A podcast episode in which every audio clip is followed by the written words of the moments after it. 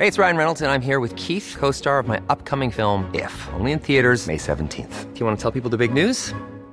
All right, I'll do it. Sign up now and you'll get unlimited for $15 a month in six months of Paramount Plus Essential Plan on us. Mintmobile.com slash switch. Upfront payment of $45 equivalent to $15 per month. Unlimited over 40 gigabytes per month. Face lower speeds. Videos at 480p. Active Mint customers by 531.24 get six months of Paramount Plus Essential Plan. Auto renews after six months. Offer ends May 31st, 2024. Separate Paramount Plus registration required. Terms and conditions apply if rated PG. Ever catch yourself eating the same flavorless dinner three days in a row? Dreaming of something better? Well, HelloFresh is your guilt-free dream come true, baby. It's me, Gigi Palmer.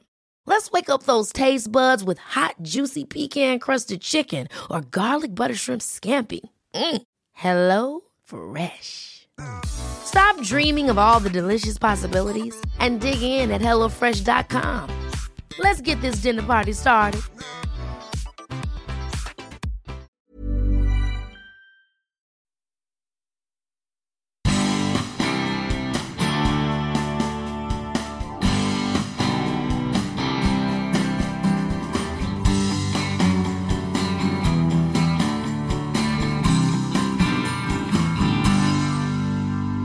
–2022 blir ett av de mer turbulenta åren på senare tid. Krig i Ukraina, skenande matpriser och energikris är bara några av alla allvarliga händelser som inträffade. Under det senaste året så lämnade också sorgligt nog två av poddens gäster oss. Börje Salming var min största idol när jag nötte slagskott på och utanför isen. Några år senare satt jag klistrad framför TVn mitt i natten och kollade på Canada Cup. Jag får fortfarande gåshud när jag tänker på de stående ovationerna han fick i Toronto inför matchen mot Kanada. Senare fick jag nöjet att träffa Börje personligen när jag jobbade på Salming Sports. Vad jag inte visste när jag gjorde poddintervjun med honom i slutet av mars 2022 var att det förmodligen är en av Börjes allra sista inspelade intervjuer. Ett halvår senare lämnade en av Sveriges största idrottsmän oss tragiskt i ALS. Nästan vid samma tidpunkt som Börje går sista perioden i kampen mot sin sjukdom avlider hastigt en av civilsamhällets mest betydande ledare. Lotta Säfström var under många år direktor för Göteborgs Stadsmission. Hon kämpade dagligen för människor som levde i utsatthet och fattigdom, både genom sitt dagliga ledarskap och sitt arbete med att försöka påverka politiker och förändra samhället. Lotta var också en stor Afrikavän där hon bland annat startade ett barnhem. Jag lärde känna både Lotta och Börje personligen och jag saknar dem verkligen. Det här är mitt sätt att hylla dem som människor och vad de gjort för oss alla. Här kommer två nedklippta samtal. Vill du ha hela intervjuerna så kollar du in avsnitt 8 med Lotta och avsnitt 115 med Börje.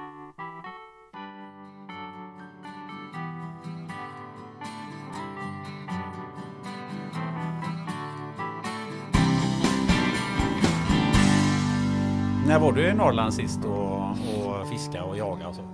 Ja, det var ju i augusti. Ja. Ja, och då jagar vi och fiskar. Det är ju ripjakten och tjäder. Så då åker vi ju alltid upp och, och rensa kroppen lite grann så man får frisk luft och frisk vatten och allt sånt där. Ja, det är helt fantastiskt uppe i Norrland. Härligt, Börje Salming, välkommen till podden Spännande möten. Ja, tack. Eh, när vi ändå är där uppe, jag som, eh, för mig som har- Max har kommit till Arjeplog då. Vad är, vad är tjusningen med norra Norrland? Ja, det är så jävla vackert. Vidderna. Alltså när, när vi, vi jagar, vi har ju inte hund när vi fågeljagar.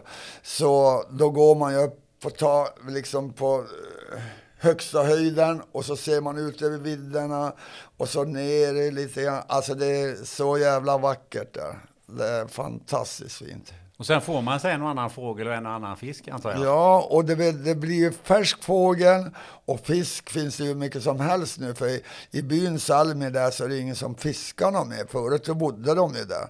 Och då var, då var det inte kanske så mycket fisk egentligen. Men nu finns det ju mycket som helst. Både öring och harr och ja, det finns allting. Vad är favoriten? Ja, öring naturligtvis. När man får stora öringar och så får man grava dem lite grann och så här. Ja, men också färsk fisk och äta det direkt. Och så till exempel när vi åker in i skogen, då pin, gör vi upp eld och pinnsteker fisken direkt. Och då brukar vi säga så här, då tar vi upp fisken, så ah, nu tar vi upp, nu är det lunch. ja, det är fantastiskt. Ja, det är grymt gott. Uh, du, uh, jag tänker på det, det finns lite andra djur där också, varg och björn och sånt. Har du sett det? Ja, faktiskt. Min, min, jag har aldrig sett en björn live. Men, och jag har ju varit i skogen ända sedan barnsben och sprungit.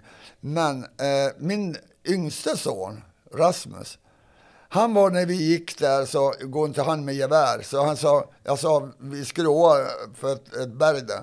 Så gå lite högre upp så kan du skrämma ner dem kanske. Ja, eller ripan då. Och då gick han på en björn som stod typ 20-30 meter bort. Men han vände och stack. Björnen eller grabben? han stod kvar. Han sa så, jag står kvar. Jag stod kvar och tittade på honom. Och så vände han och stack. Ja men vad fan, sprang du inte ner Det kanske var därför han tyckte om, han var lite rolig kanske. Um, jag tänker, uh, varg är ju uh, också ett djur som finns där ja. uppe. Uh, mm. vad, vad har du för relation till vargen? Ja, relation till vargen är att jag har lite grann att jag tycker det är ett jäkla starkt djur och när de är i flock så ska man ju vara jävligt liksom passa sig mycket. Men jag har aldrig sett någon varg heller. Så det är det som är så roligt. Men jag tror inte de är så mycket högst där uppe, vargen. Jag tror den är mer neråt, liksom neråt eh, södra Sverige tror jag. Mm -hmm. Ja, jag har aldrig sett någon i alla fall. Men jag tänker att eh, du eh, som, eh, som är samiskt påbrå, jag tänker att samerna har väl också en del åsikter om vargen? Alltså? Jo, absolut. De gillar ju inte vargen och inte järven och inte björnen heller. För de förlorar ju renar, speciellt när de är på våren när de springer, de går själv lite grann, ja men då tar de ju då, då hittar de ju liksom kvar leverna av dem. Och det är ju jäkligt tråkigt. Så det är lite kluven inställning om jag får uh, tolka dig? ja, för att jag har ju sagt att alltid, de här djuren, man ska aldrig skjuta varg, björn eller järv. För det, de har ju varit först där i, i, i skogen. Så låt dem vara, liksom, de äter man ju inte ändå. Så vi skjuter bara fågel och ja, det kan vara en hare någon gång i så fall. Låter rimligt.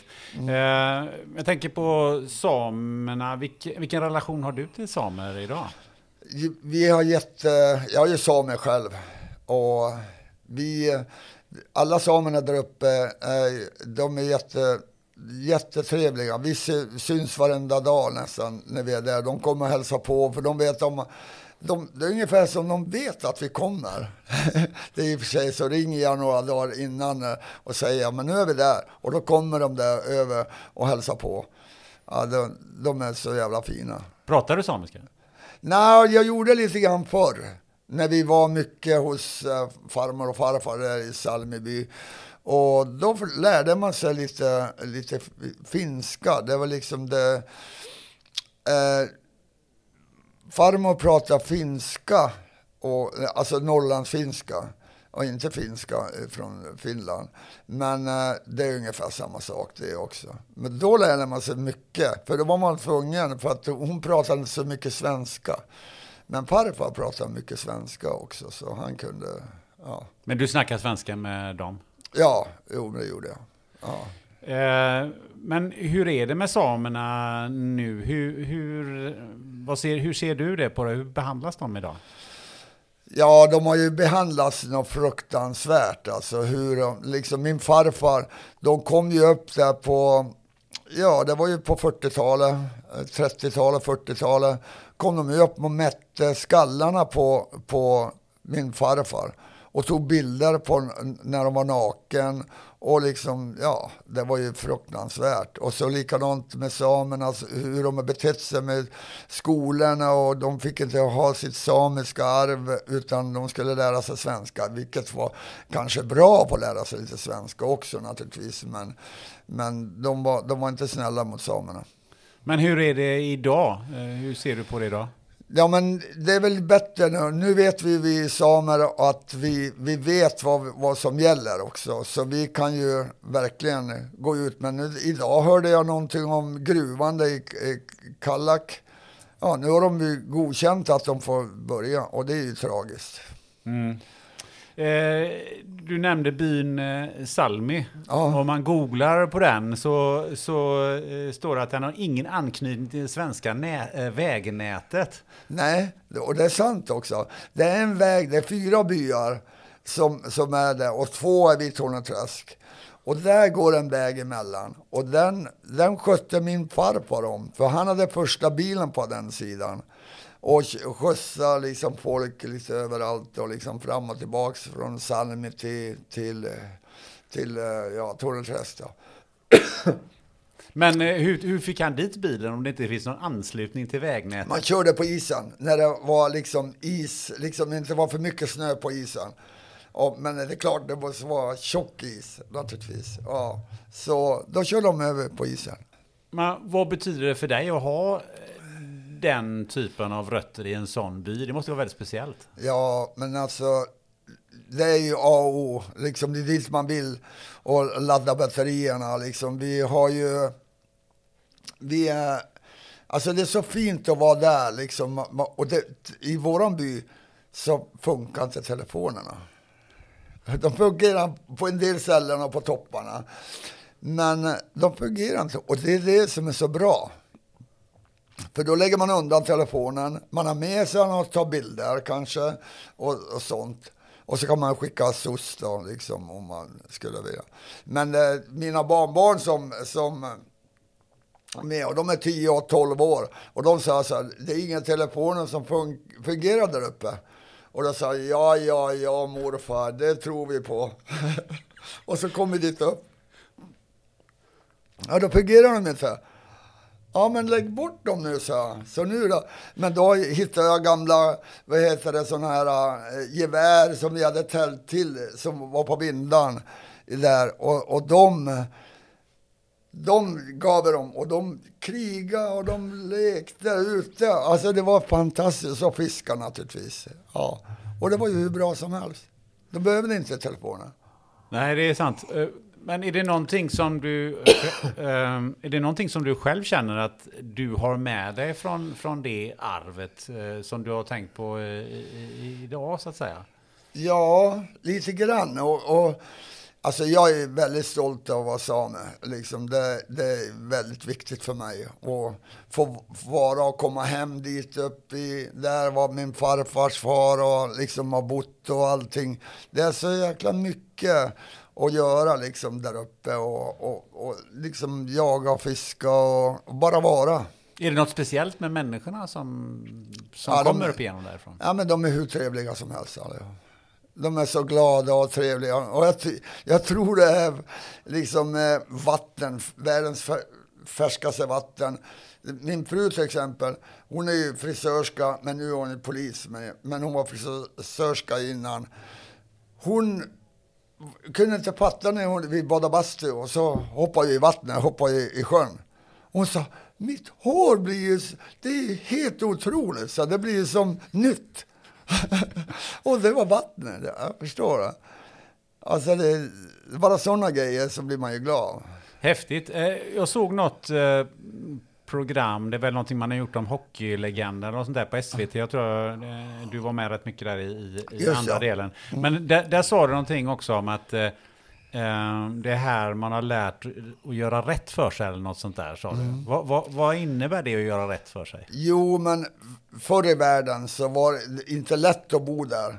Liksom, det var ju fattigt. Liksom, och då, på somrarna fanns ju fisk och fiskar. Det är klart jag kunde isfiska och allt sånt där. Men det, det fanns inte så mycket mat egentligen. Och då var ju tvungen ungarna ut och skickade de ut ungarna för att fixa och dona. Och, ja, till, och de hade ju hästar och får och, och kor och allt sånt där hade de ju där. Men det var ju tvungna att gå- skicka ut ungarna på myrarna och hämta hö, liksom där, där det växte. Och då sa de att ungefär ut och har ni inte en hel liksom famn så då får ni ligga över. Alltså det var, det var ju rätt för sig för att man skulle klara sig. Och korna skulle klara sig, hästarna och det som var viktigaste. Och korna så man fick mjölk och allt sånt där. Men det där att göra rätt för sig, hur, hur, hur ser du det i, i, så att säga, i dagens eh, samhälle? Eh, Ja, man ser kanske, visst ser man det på en del människor som ser att man ska göra rätt för sig. Men jag tror man fick lära sig där och göra rätt för sig. Och det är väl det jag har tagit med mig i hockeyn också, liksom att ge 100 procent. Ge allting du har, liksom. det är inget annat som gäller. Och det var mycket det, min farfar också, han var rätt så hård, men det var ju mot sina söner också. Och sen barnbarnen kom de, och sen när man grät eller om det var någonting, man ramlade eller någonting. Äh, lägg av, vad gör du? No. Oh, iväg nu. han var hård på sig, men annars var han jättefin. Men ser du, tycker du att eh, människor har blivit bättre eller sämre på att göra rätt för sig i dagens samhälle? Ja, jag vet inte. Jag är mycket ute och promenerar och ibland sånt här, så man ser väl... Nej, men jag tycker det är rätt så bra. Det är jag rätt tycker, så bra? Ja, ja. Jag, man kan inte gå och titta snett på alla och säga vad fan gör han för något? Nej, men det, det går inte. Då blir, blir man ju tokig. Eh, Kiruna är ju där du är född och uppvuxen. Jajamän. Vad, kan du bara ta oss tillbaka där? Vad var det för en plats på 50-talet? Uh, 50-talet, men det var ju jättefin plats. Alltså, man, man glömmer ju aldrig det när man, och mycket snö, mycket, man åkte ju mycket skidor, man gjorde ju allting. Man åkte skidor, man pimplade, man fiskade och min, min styvpappa Isak, som var min farbror egentligen, han eh, eh, eh tog ut oss och jagade och fiskade överallt liksom i skog och mark. Så det var ju det där man fick lära sig att vara och det var ju så himla vackert och, och kul att få vara med och lära sig. Gruvan är ju central i uh, mm. Kiruna kan man ju milt sagt säga. Vad, vad, är, vad är din uh, relation till uh, gruvan? Ja, det är väl, min pappa dog ju där när jag var fem år. Och det var ju tragiskt liksom. Och han hade ju, vi kom ju faktiskt från söndag. Så kom vi från eh, Salmiby och skulle hem. Och eh, då så åkte vi spark över Torneträsk, kom från vår by då. Och, då åkte min farbror ner i en vak, det är en spricka. Så min pappa, han räddade han, han höll på att drunkna. Vi var med, vi satt ju på sparken längre bak. Så han eh, räddade vet, min farbror från att drunkna, annars hade han aldrig kommit upp. Men, eh, och sen nästa dag så dog han i gruvan i en gruvolycka. Vilket otroligt öde. Ja, ja helt sjukt var det. Vad, minns du någonting utav det där eller? Nej, jag, det, alltså det som hände där, liksom, det kommer jag ihåg. Alltså det glömmer man ju aldrig när han åkte i vaken där och skrek och liksom kom inte upp. Och, och då sprang ju han dit och fick tag i honom och fick upp honom. Ja, så det var ju, det var ju fantastiskt bra gjort. Och sen eh, nästa dag så blir man förolyckad i gruvan. Alltså det är så konstigt egentligen. Vad minns du den, eh, de dagarna där? Nej, men det var ju att mamma kom hem, eller det var, var min mammas bror som kom hem, som hade fått reda på det här. I, så, så ringde han, eller kom han över till oss och sa, du, vi måste åka till sjukhuset. Han ville inte säga att han var död då. Han hade ju dött där. Ja. Men, eh, eh, och så åkte de dit, men där fick hon se att han var död. Mm. Ja, han krossade tinningen, for in en, han fastnade med eh, överdraget när han skulle skrapa någonting. Och så åkte han in, åkte han in direkt och han dog direkt. Eh, gruvan var ju en extremt farlig ja, plats på den tiden. Ja, det var ju farligt. Alltså, det hände ju mycket olyckor. Ja. Men nu tror jag det är bättre. Men eh, du har ju jobbat själv i gruvan lite grann i alla fall va? Ja, men mamma, min mamma, hon sa så här, aldrig under jord sa hon. Men jag jobbar ovan jord på MCV heter det, som svetsare. Jag var utbildad, gick ju tre år i yrkesskolan, så vart jag svetsare. Men jag tänker om, när du gjorde det så, så antar jag att en hockeykarriär var inte någonting du funderade på där och då? Nej, jag, hade aldrig, jag har aldrig haft något mål, utan jag har bara kört på egentligen. Så nej, nej, det är klart, det var lite när Stigge, brorsan, han åkte ner 68 till, till Brynäs. Då klart, då, var, då fick man upp ögonen på det och då kanske man, ja det skulle man ju vilja åka ner och spela för Brynäs i högsta serien då. Men eh, innan det så var det bara roligt att spela hockey. Och, ja, och jag såg upp till min bror också för att han var fyra år äldre än mig. Så när, jag, när han fick komma i pojklaget, ja men då får jag och sprang och spela landhockey. ja, och sen när han kom i juniorlaget, då, då fick jag vara med och då fick ja, hela vägen så. Och sen spelade vi faktiskt en match tillsammans i Kiruna AIF, där uppe i Kiruna. Och sen stack han. Men när du var, jobbade där i, i gruvan som, som svetsare, du hade liksom inga, hade du några tankar om eh, Ja men här har farsan jobbat, ska jag jobba mm. mitt liv här också? Eller hur gick, hur gick funderingarna då? Kommer du ihåg det? Nej, jag tror inte man tänkte på det alls. Jag, jag vet bara att när han åkte iväg så hade han en sån här unika box med mat och grejer med sig. Så käkade på lunchen och middagen antar jag väl. Eh, det enda som jag kommer ihåg, men jag hade ing, aldrig någon unika box när jag åkte med. Jag hade med en rygga, en liten rygga hade jag med mig. Eh. Så jag tyckte, nej men det var inget konstigt, jag tänkte inte på det alls. Det var naturligt, jag menar, det var gruvan du skulle Ja, men det var ju, alla jobbade i gruvan, så det var ju bara ett måste egentligen. Du sa just, eh, Stig var ju en, en viktig person eh, ja. för dig. Vad, vad betydde han eh, för dig när du var barn? Jo, men det är klart man, man såg upp till han och man ville ju göra precis som han också och hängde ju på han mycket också. Och ibland så fick man väl en snyting bara för att man kom för nära också. och speciellt när han hade tjejer eh, på slutet, då, liksom när han började komma 14-15 andra tjejer. Och vi bodde ju vi bodde i en lägenhet då, ja, hos farfar där. Eh, och där så bodde vi tillsammans i samma rum. Ja, det var en säng. Men jag tror jag fick komma in i mitt rum då när han hade tjej då. Nej, då, då, var det, då var det kört så. Hockey var det för dig från, från morgon till kväll har jag förstått om man läser eh, ja. på eh, om dig. Varför var det just hockey? Jo, men för att det var, vi, vi bodde väldigt nära. När min styrpappa kom in så flyttade vi ner till det huset och då var vi bara 100 meter från, från eh, is, ishallen. Men där fick inte vi vara då när jag var yngre. Då var vi på stora, då var det ute is på fotbollsplan. Och sen när de släckte lyset där, då spelade vi på gatorna, spelade vi landhockey. Så det var full fart hela tiden. Men det fanns aldrig någon annan idrott som du eh, gick och lurade på som du kanske? Jo, nej, men jag spelade handboll också. Jag spelade parallellt då, eh, när jag började komma upp i 12-13 års åldern.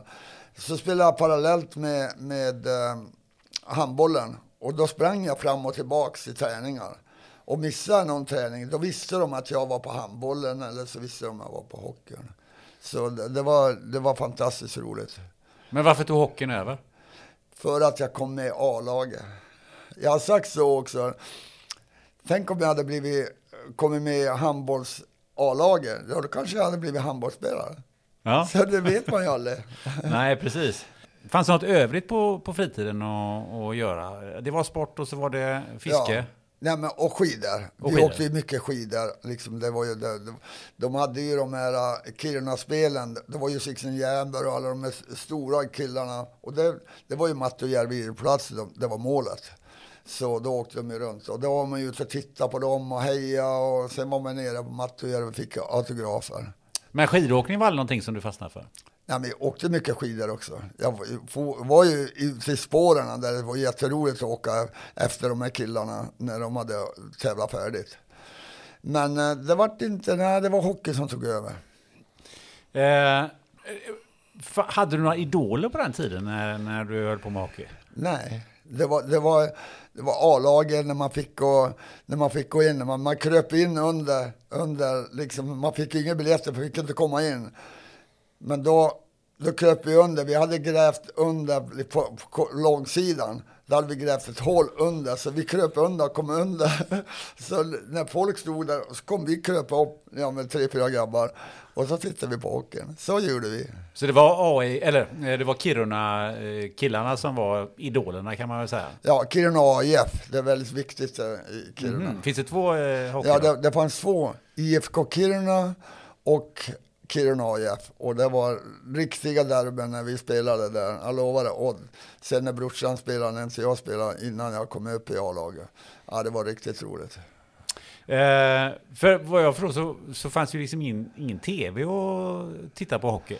Nej, det fanns ju inte det. Och tvn kom faktiskt... Eh, när kom tvn där? Jag kommer bara ihåg när den kom, men då bodde vi i lägenheten. Och då fick vi en, en, en, en tv där. Men uh, ja, vi tittade inte så mycket på tv.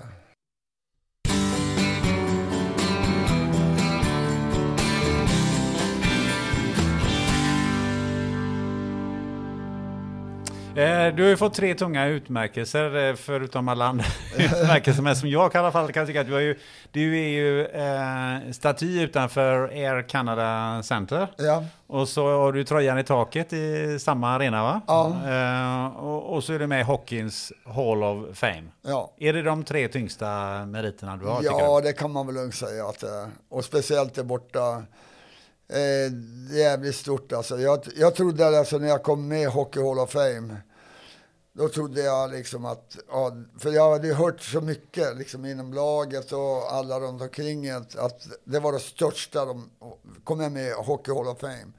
Då blir jag så jävla glad alltså. Det var så grabbarna sa. Ja. Det var deras dröm efter hockeyn. Ja. Och sen när de ringde mig och sa att jag skulle med i Hockey Hall of Fame, för jag var ju först som svensk i alla fall inne. Så ja, då, då grät jag faktiskt, efter jag la på. Jag tackade och så grät jag. För jag var så glad. För att jag visste hur mycket det betydde för alla hockeyspelare där borta att komma med där. Och så fick jag komma med där. Alltså det var ju helt otroligt stort.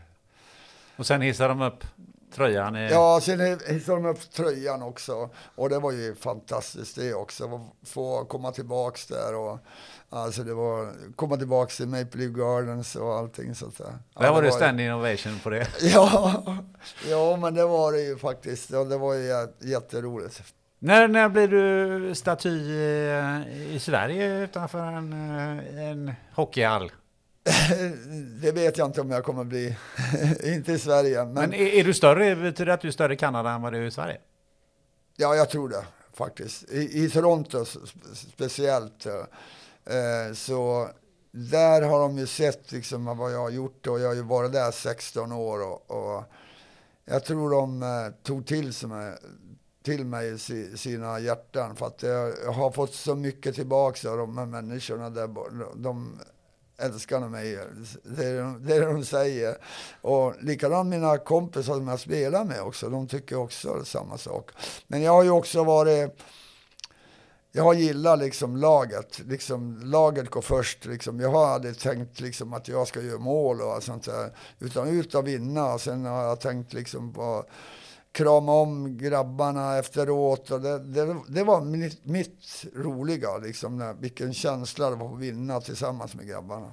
Det är kanske det som gjorde också att du fick en standing ovation, att du var en del i ett lag? Ja, det, det var det nog. Jag tror det var för att jag gav allting 100% i, i alla matcher och de, de såg det också. Och det var det jag sa också, att de, de, tyckte liksom att jag var mer kanadensare än kanadensarna själva. Och det, det, kan man säga, det är en bra merit. Ja, det är en bra merit, ja. Men eh, everything comes with a price. Ja. Eh, du, du fick ju betala ganska högt pris med, med alla skador. Mm. Vi har pratat om skridskon i ansiktet. Vad, vad, vad är det mer för grejer som du har, eh, som jag, du har råkat jag, ut för? Ja, jag tycker inte den var värst. Men det är klart, det syntes ju värst naturligtvis. Men det var klubban som jag fick i ögat. Som jag tappade ju, så jag kan inte läsa med, med höger öga. Men eh, jag ser bra på långt håll. Eh, så, men det var värsta för att när jag fick den smällen så då, då träffade den, alltså den slog av näsbenet och så träffade han ögat och det var intryckt, det var intryckt i, i liksom bakskallen. Så det var som en explosion. Så jag, jag trodde faktiskt, när jag, jag kastade handsken och så kände jag att, att den hänger utanför, tänkte jag, ögat nu. Alltså det kändes som så. Men det var, och jag tänkte, åh fan den är kvar. Och vilken tur jag har. det var min första, åh vad skönt den är kvar. Men sen då så bröt jag näsbenet och sen fick jag, det var lite roligt faktiskt, när jag kom till båset så, så hade näsbenet gått av och blodet hade gått baklänges så jag började liksom, det kom, jag kunde inte andas, så började hulka. Så jag hulkade precis när jag kom in i båset, hulka. Så min materialare sa att du skulle ha sett liksom publiken bakom mig, för de sitter ju rätt så nära där, Maple Leaf Gardens. Så att med, och de höll på att svimma av där, gamla tanten och gubbarna. Men eh, eh, det gick bra med ögat så långt? Ja, det gick jättebra. Jag var inne, var ju slutspelet mot Islanders. Eh, och då åkte jag in på sjukhuset, jag var där en vecka, så jag var blind en vecka. Så man satt på mitt andra öga så man inte, du vet man rör man ena ögat så rör man andra och det skulle vara still. Liksom så, ja det skulle vara stilla så. Nej men det, det var inget roligt egentligen, var blind en hel vecka. Men eh, apropå rädd, hur rädd var du då? Nej, jag var inte så rädd egentligen. Han sa liksom, det, kom, det ena ögat, eller det ögat var ju helt rött liksom blodsamlingar i den. Så man såg ingen, ingen, någonting av pupillerna eller någonting. Men han sa att vi får se efter en vecka hur det ser ut. Ja. Men då började jag komma tillbaks. Liksom där. Men det tog ett bra tag, hela sommaren innan jag kunde se egentligen genom ögat. Men du fick rätt mycket post då har jag läst mig till. Ja, när vi kom därifrån så, alltså de försökte komma in, journalister och allting, människor, de stökade ut sig, såna, de snodde liksom läkarrockar och allt, försökte komma in och skulle prata med mig. Men jag sa, jag vill inte ha någon folk där så, så men eh, när, vi, när jag skulle åka hem, då hade de satt eh, en hel säck med, med, med brev från Fansen. Men de alltså, erbjuder eh, sitt, e-, sitt egna öga, har jag läst ja, mig till. Ja, men jag, fick, jag kunde inte läsa, så jag fick inte, jag fick inte titta på något brev. Utan när jag skulle gå, då hade jag tagit bort det. Då sa de, här, glöm inte den här säcken. Vad fan är det där? Ja, men det är brev. oh my god, tyckte jag. men en annan sak man snackar mycket om nu, det är ju hjärnskakningar. Eh, ja. Eh, hur, hur mycket sådana smällar har du åkt på? Ja, jag åkte verkligen mycket. Jag hade Jofa-hjälmen. Så det var ju inte så mycket, liksom, det var ju bara en platta bak och fram. Men den skyddade ju mot klubbor och allt sånt där. Så den, var ju, den hade ju bra, den, den var ju bra på så sätt. Men sen började jag slå i och jag hade tror jag på en säsong fyra hjärnskakningar. Och de hade jag på raken. Och det är ju så att när man slår hjärnan så lossnar ju lite grann från tentaklen som hjärnan ligger i. Så den eh, så det är ju inte så bra liksom det. Så jag var lite orolig när jag kom hem, när jag skulle spela med AIK, så då gjorde jag en magnetröntgen. För jag tänkte, jag har nog säkert blodsamlingar någonstans. Men eh, det, det var så bra ut. Så jag hade tur liksom, att jag inte fick någon skit där. För att eh, på den tiden så var det inte så att man Idag är det jättebra att de får vila sig liksom en månad till exempel om man är hjärnskakning. Då var det bara att sticka ut igen. Det var liksom, när man hade klarnat upp lite grann så var det bara ut igen och köra tredje perioden. Har du känt av någonting eh, utav det där eh, nu på äldre dagar? Nej, inte, inte vad jag vet i alla fall.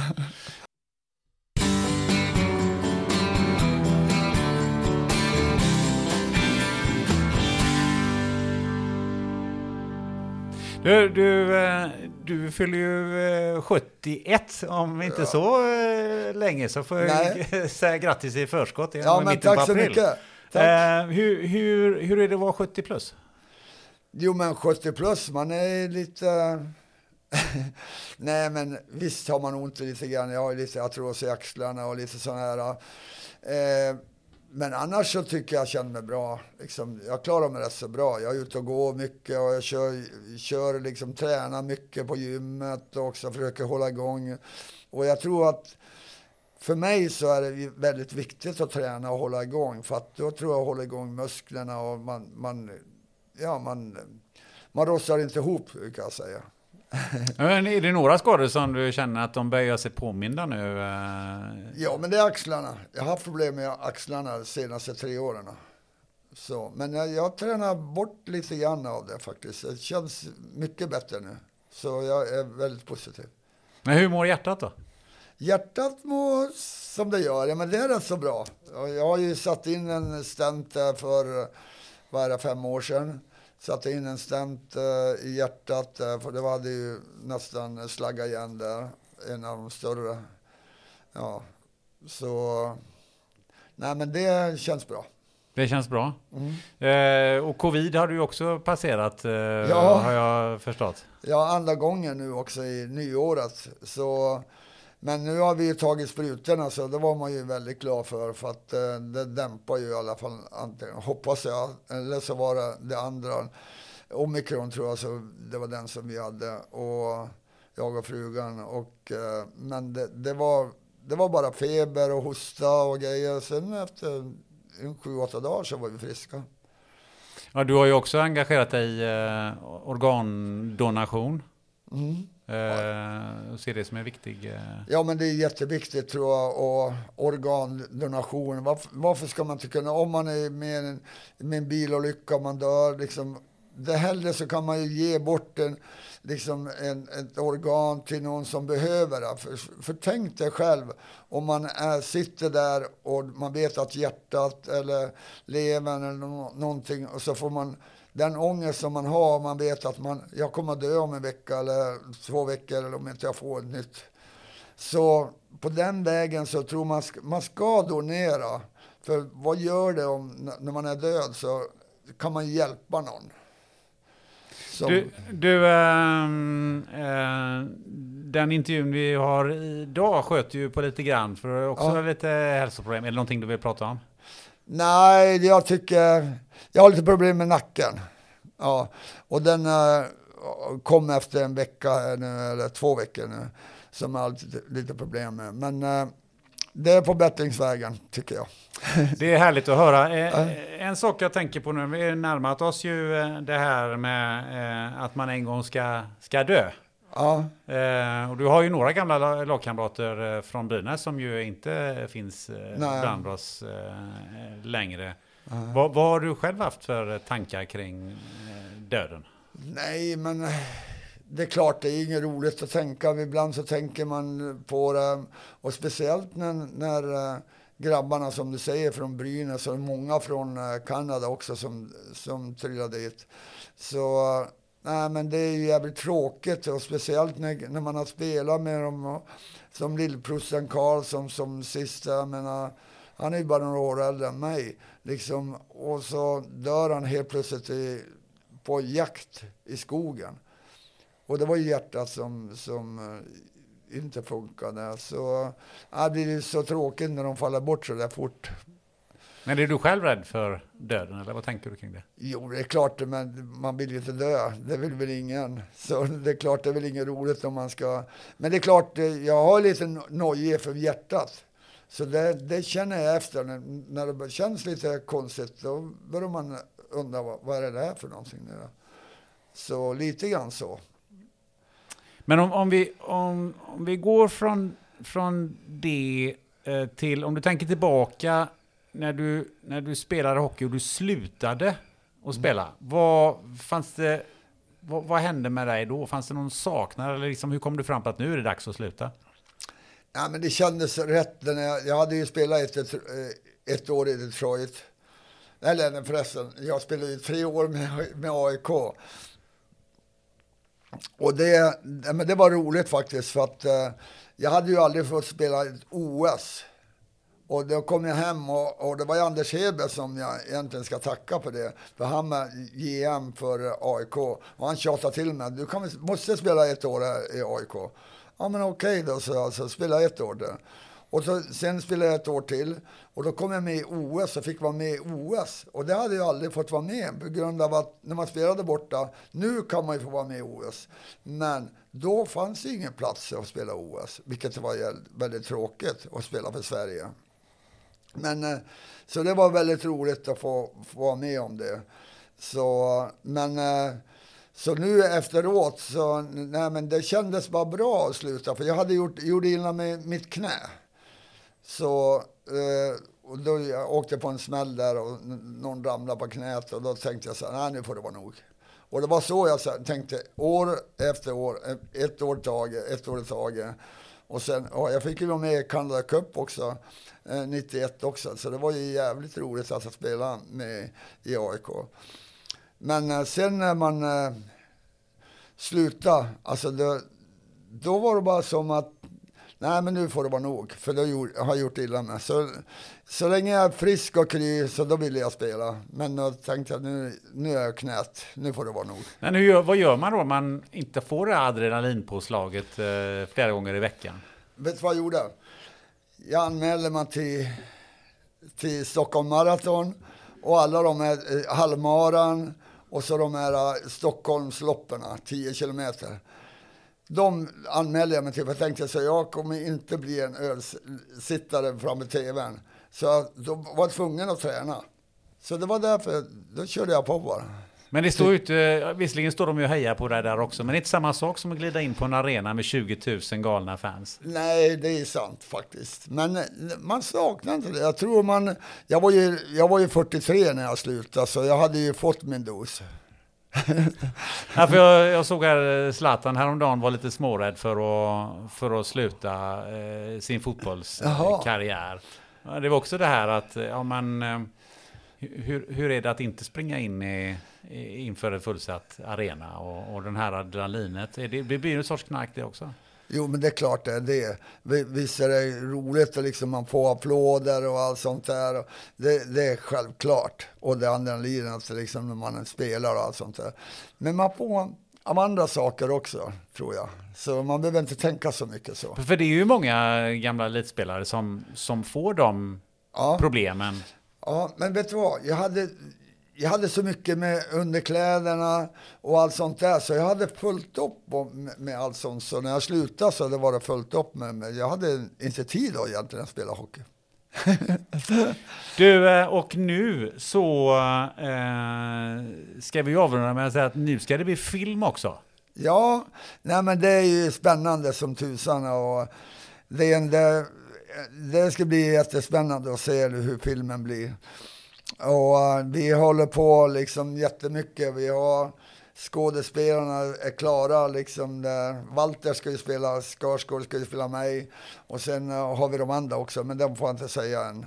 Men eh, vi hade möte häromdagen och det, vi gjorde klart, det skulle bli en serie på sex stycken. Så vi gjorde klart de tre manus, sista tre manusar, så jag har varit med. och, Jag är med hela tiden och hjälper till.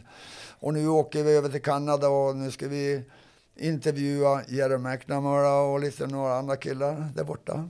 och eh, manusförfattare är faktiskt en, den tidigare fotbollstalangen Martin Bengtsson ja, från Örebro. Ja. Och han har ju eh, gästat den här podden. Ja, ja visst. Nej, men vad roligt. Ja, ja. han var med. Ja, ja kul. Ja. Nej, men Martin är jätteduktig att skriva. Ja. Vad är, vad, är, vad är de viktigaste sakerna som, som du måste lära Skarsgård?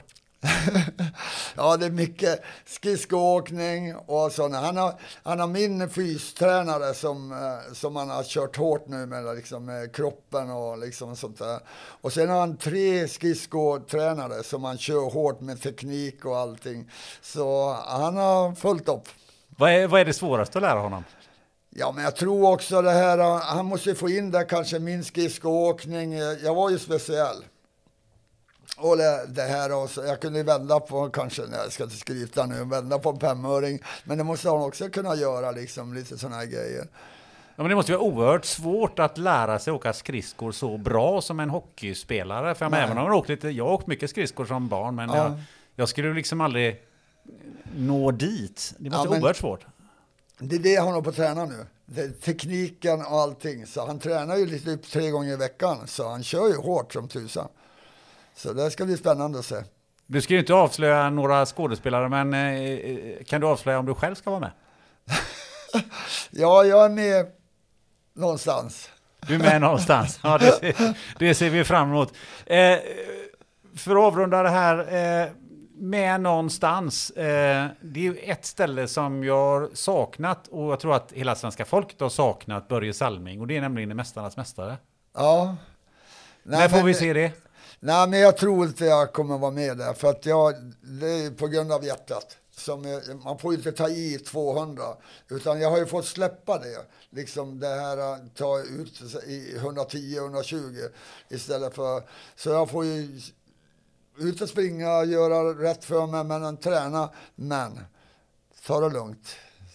Inga tävlingar här, sa läk, läkaren åt mig.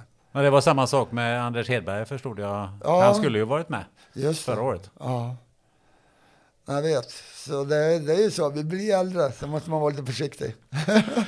Ja, eh, då får, vi, då får vi leva med eh, Börje Salming utanför Mästarnas Mästare. Men eh, vi är väldigt glada att vi har, fått ha dig eh, här i den, i den här podden. Ja. Hur, hur, hur har det här känts? Vi har suttit här och tjatat i en och en men, halv timme. nej, men det, här var jätteroligt. Och det är roligt att få berätta och liksom att folk förstå. För på den tiden som jag, när vi var där borta, så fanns det ju inget YouTube, det fanns inget Instagram, det fanns inget sånt. Så det var ingen som visste vad, vad som hände där borta egentligen. Under min tid, i alla fall 70-talet. Ja, så, och någon gång skrev de om någonting där borta i tidningarna, men annars var det inte så. Så det är väl roligt att någon får reda på vad som har hänt där borta. Ja, det, det är härligt. Vi börjar om eh, jag skulle eh, intervjua någon annan här i eh, podden. Vem tycker du jag borde intervjua? Ingemar Stenmark, Varför då? för att han är så en jäkla fin kille. Han, eh, han har ju varit, vi har ju bott eh, på Karlsud i Vaxholm och han var ju min granne och han, han är en jättefin kille. Så han, eh, han ska du prata med, för han har mycket att berätta om. Tror du Ingemar skulle ställa upp i den här podden? Jag tror det. Eh, Börje Salming, eh, det har varit en ära för mig att ha dig i den här podden. Ett stort, stort tack. Ja, men tack så mycket. Det var jätteroligt att vara här. Vara med.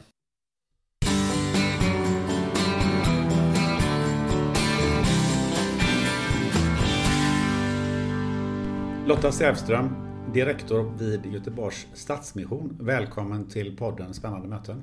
Tusen tack. Du, det här eh, direktor, det låter spännande. Vad, vad innebär den titeln? Direktor betyder att jag är VD för Stadsmissionens verksamheter. Vad är skillnaden mellan en VD och en direktor? Ja, det är en bra fråga. Titeln direktor används av någon anledning i en del kyrkans sammanhang. Jag vet inte varför. Nej, för jag har också googlat Ja, på det och jag hittar inte heller någon Nej. riktig eh, Nej. förklaring faktiskt. Inte.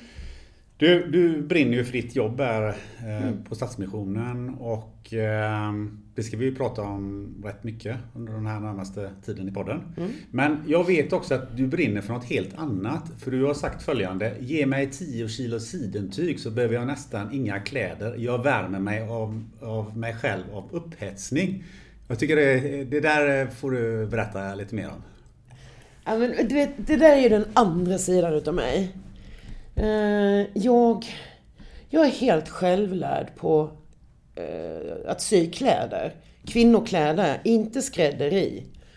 Eh, Men inte, inte skrädderi med kvinnokläder? Nej, skrädderi är väl eh, när man syr till herrar tror jag. Jaha, okej. Man är sömmerska om man syr till kvinnor, man är skräddare om man syr till män. Oho. Åtminstone var det så förr i världen. Så jag kommer inte att säga att jag ska sy en kostym till dig, för det har jag ingen aning om hur man gör. Men jag kan sy en kostym till en kvinna. Ja. Och det är någonting det där med... Alltså fraset vet du, när man klipper i sidentyg. Det låter på ett alldeles speciellt sätt. Och ti- jag kan se 10 meter tyg. Bokstavligen se 10 meter tyg. Och jag ser samtidigt hur det kommer bli på slutet när jag har gjort det. Och det där är en sån... Det händer någonting fysiskt i kroppen på mig så att från att vara en rätt frusen människa med många tröjor i olika lager på mig så just när jag håller på att klippa i tyg och håller på då, då tar jag av mig bara, ja inte, inte näck men då är det bara t-shirt. Då behöver jag ingen ylletröja. Häftigt. Ja, jättehäftigt. Jätteroligt. I ett Eh. annat liv så ska jag nog bli eh, sån här, vad heter det, kostymskräddare på Operan eller Dramaten brukar jag säga. Du vet. Det låter ju väldigt spännande. Ja, skitspännande. Ja. Ja. Men du har, du har ju varit med på Nobelfesten. Dina klänningar var på Nobelfesten. Och min klänning, en klänning har varit med på Nobelfesten. Så, så nära har jag kommit. Vad häftigt. Mm. vi se om du kommer Den med. var i sidan. Den var i sidan? Ja. ja. Vem satt den på? Du, den satt på en kompis som då var, um, Eh, om hon var ordförande eller något liknande för Sveriges förenade studentkårer. Och då blev hon inbjuden till Nobelfesten och så hade hon ett antal meter sidentyg hemma som hennes pappa hade köpt på någon affärsresa i Thailand. Så sa hon, Lotta, kan du sy en klänning åt mig? Jag ska på Nobelfesten. Eh, men förstå ditt engagemang i, i ditt jobb och, och din mm. sömnad och en hel del annat så, så känner jag att vi behöver gå lite bakåt mm. i tiden. Var född och uppvuxen var? Du har eh, lite dialekt som är söder om Göteborg, kan man urskilja? Mm -mm. Jättebra. Jag... Eh, alltså jag har mina rötter nere i södra Halland. I en, en liten ort mellan Laholm och Halmstad som heter Genevad. Mm. Där eh, jag, jag är uppvuxen på den gården där min far var uppvuxen och där min farfar var uppvuxen och jag tror faktiskt att min farfars far också var uppvuxen på den gården. Hur är det att växa upp på en gård? Ja, det var ju ingen... Eh, alltså min far drev inte lantbruk. Min, eh, han arrenderade ut det till min morbror. Min far var småföretagare. Eh, så att när jag föddes i början på 60-talet då var... Eh, då tror jag faktiskt att lantbruket redan var utarrenderat. Men jag växte upp eh, med lantbruk på det viset att min morbror då var lantbrukare med både mark och, och djur. Och mm. min morfar var också det. Så att grisar och kossor vande jag mig vid, vid unga år. Lärde man sig då med att använda händerna i, i, vid olika tillfällen så man blir duktig på olika typer av hantverk? Var det där någonstans ditt, ditt sömn, din sömnad och sådana här grejerna kom ifrån? Eller kom det senare? Nej, vad jag lärde mig där, det var köket. Jag är uppvuxen, vi, är ju, det är ju liksom, vi sitter ju här i snart jul. Jag är uppvuxen i en familj där det, där det, det var slakt. Eh, min mormor, min moster, min mor och en hjälptant höll väl på i tre, fyra dagar där vi, ja, kanske kring Lucia. Och så styckades det grisar och rullades köttbullar och stoppades korv och gjordes sylter och i parti och minut. De höll på i flera dagar de där tanterna. Och du fick vara med? Absolut var vi med. Så du har blivit duktig på att laga mat också? Ja. Duktig på att laga mat, det sitter i generna. Sömnaden kom någon annanstans ifrån. Jag vet inte riktigt. Jag vet inte riktigt var den kom ifrån, men jag kan komma ihåg att jag var ganska liten när jag...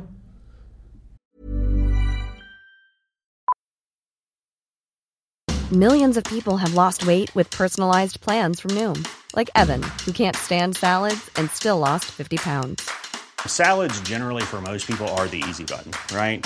For me, that wasn't an option. I never really was a salad guy. That's just not who I am. But Noom worked for me. Get your personalized plan today at Noom.com. Real Noom user compensated to provide their story. In four weeks, the typical Noom user can expect to lose one to two pounds per week. Individual results may vary. Hey, it's Ryan Reynolds, and I'm here with Keith, co star of my upcoming film, If, only in theaters, May 17th. Do you want to tell people the big news? All right, I'll do it. Sign up now and you'll get unlimited for $15 a month in six months of Paramount Plus Essential Plan on us. Mintmobile.com slash switch. Upfront payment of $45 equivalent to $15 per month. Unlimited over 40 gigabytes per month. Face lower speeds. Videos at 480p. Active Mint customers by 531.24 get six months of Paramount Plus Essential Plan. Auto renews after six months. Offer ends May 31st, 2024. Separate Paramount Plus registration required. Terms and conditions apply if rated PG. Life is full of awesome what ifs and some not so much, like unexpected medical costs. That's why United Healthcare provides Health Protector Guard fixed indemnity insurance plans to supplement your primary plan and help manage out of pocket costs. Learn more at uh1.com. Min mor gav mig tyg och sen lät hon mig hållas på något sätt.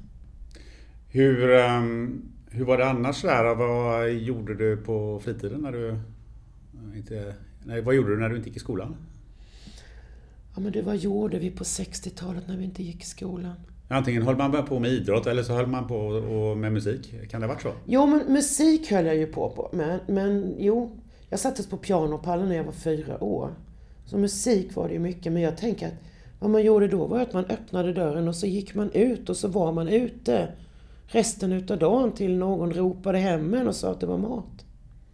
Men var det där musicerandet, var det någonting som låg i, eh, eh, i familjen? Ja, min mor var en sån här pianospelande kvinna.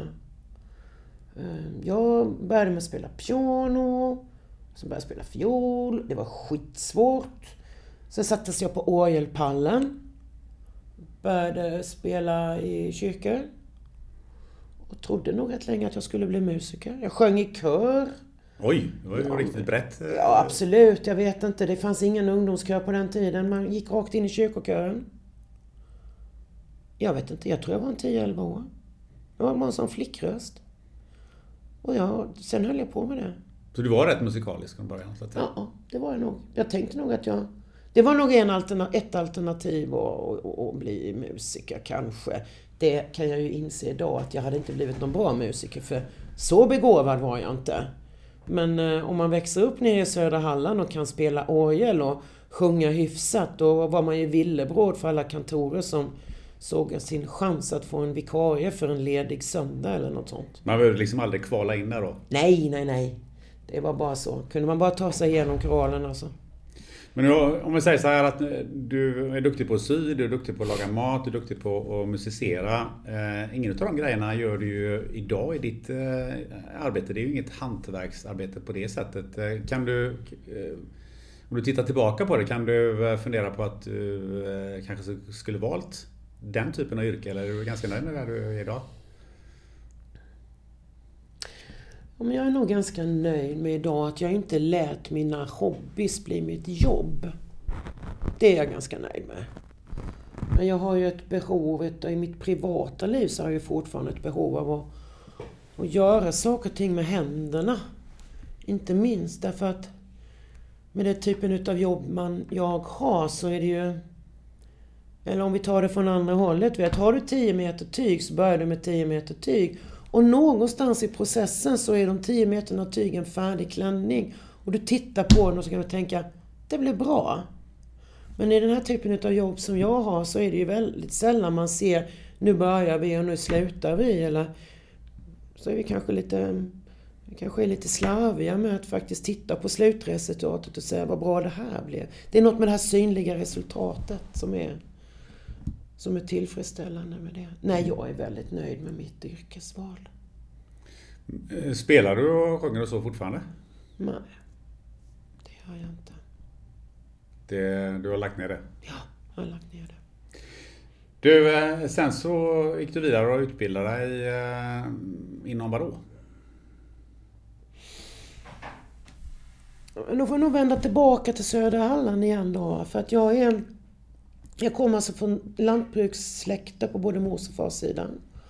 Det är väl inte någon utav de närmaste familjerna där som har gått med en folkskola. Eh, I min generation så är jag äldsta kusinen. Vi är väl 15-16 stycken. Och det betyder ju att jag är ju den första som så att säga tar studenten. Jag tar ju inte studenten på det gamla sättet men jag tar studenten och jag har vit mössa. Eh, och jag är också den första som går vidare till eh, högre utbildning.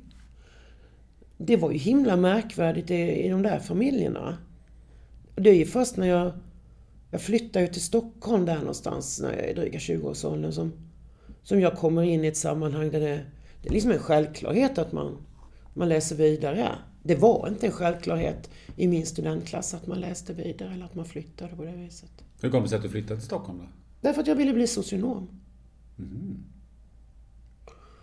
Eh, Och då kommer du och frågar mig hur kommer det sig att du ville bli socionom? Och det var ju inte så himla lätt va? Att svara på den frågan, tänker jag. Därför att... Vad var Nej men, så, nej men så här är det va. Alltså jag är ju en typisk första generations eh, högskoleutbildad. Då blir man sjuksköterska, lärare eller socionom. Hur var socionom? Fanns det, eh, var det stor skillnad mellan att vara socionom då när du utbildade dig och den, den socionomen man ser idag? Eller är det ungefär ganska likt?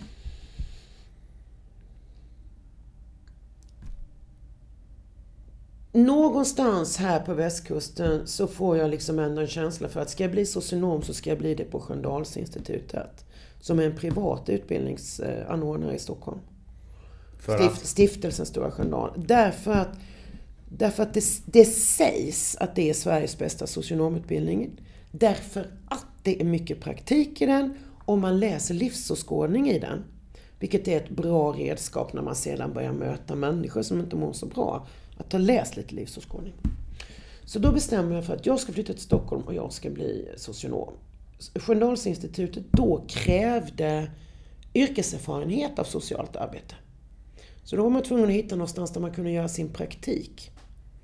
Och då hamnade jag uppe på Ersta diakoni i Stockholm som driver ett ungdomshem. Och där praktiserar jag i två år och sen kvalar jag in på, på socionomutbildningen. Det är, jag tycker att jag går en bra utbildning.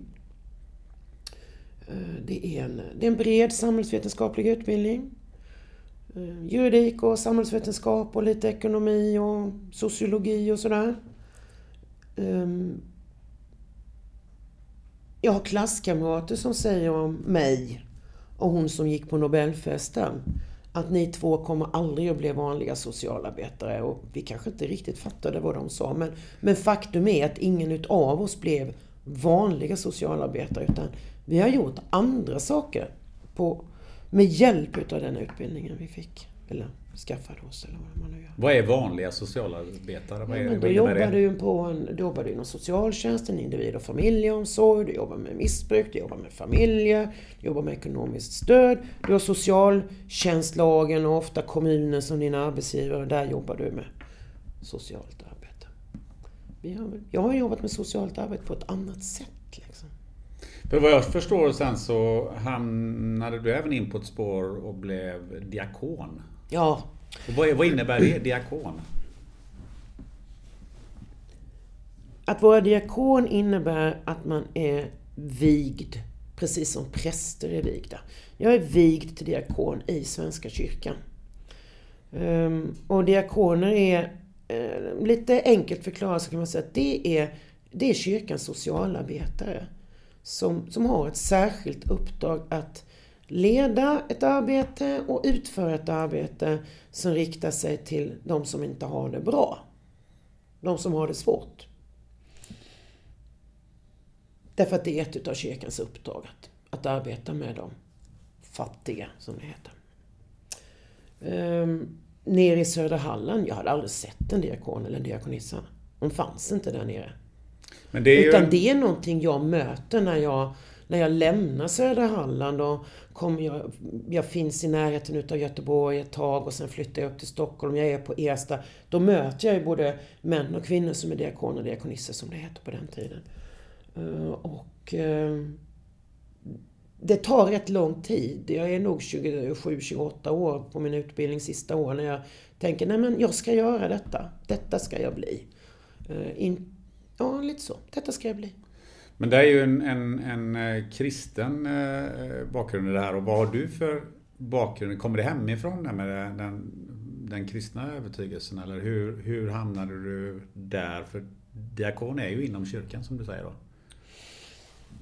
Så jag växer upp i en kyrklig familj och det betyder mor ber aftonbön med oss på kvällarna. Gud som haver barnen kär. Mm.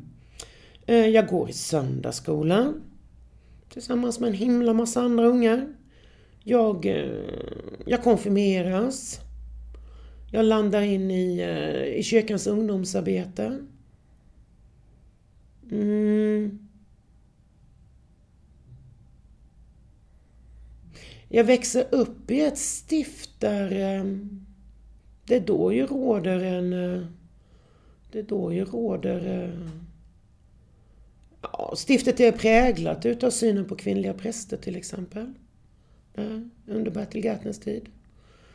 Um, Vad menar du med att det är präglat av det? Är det positivt eller negativt? Nej, alltså det är ju under Bertil Gärtners tid så är det ju fortfarande så att Göteborgs stift så vigs inga, inga kvinnor till präster.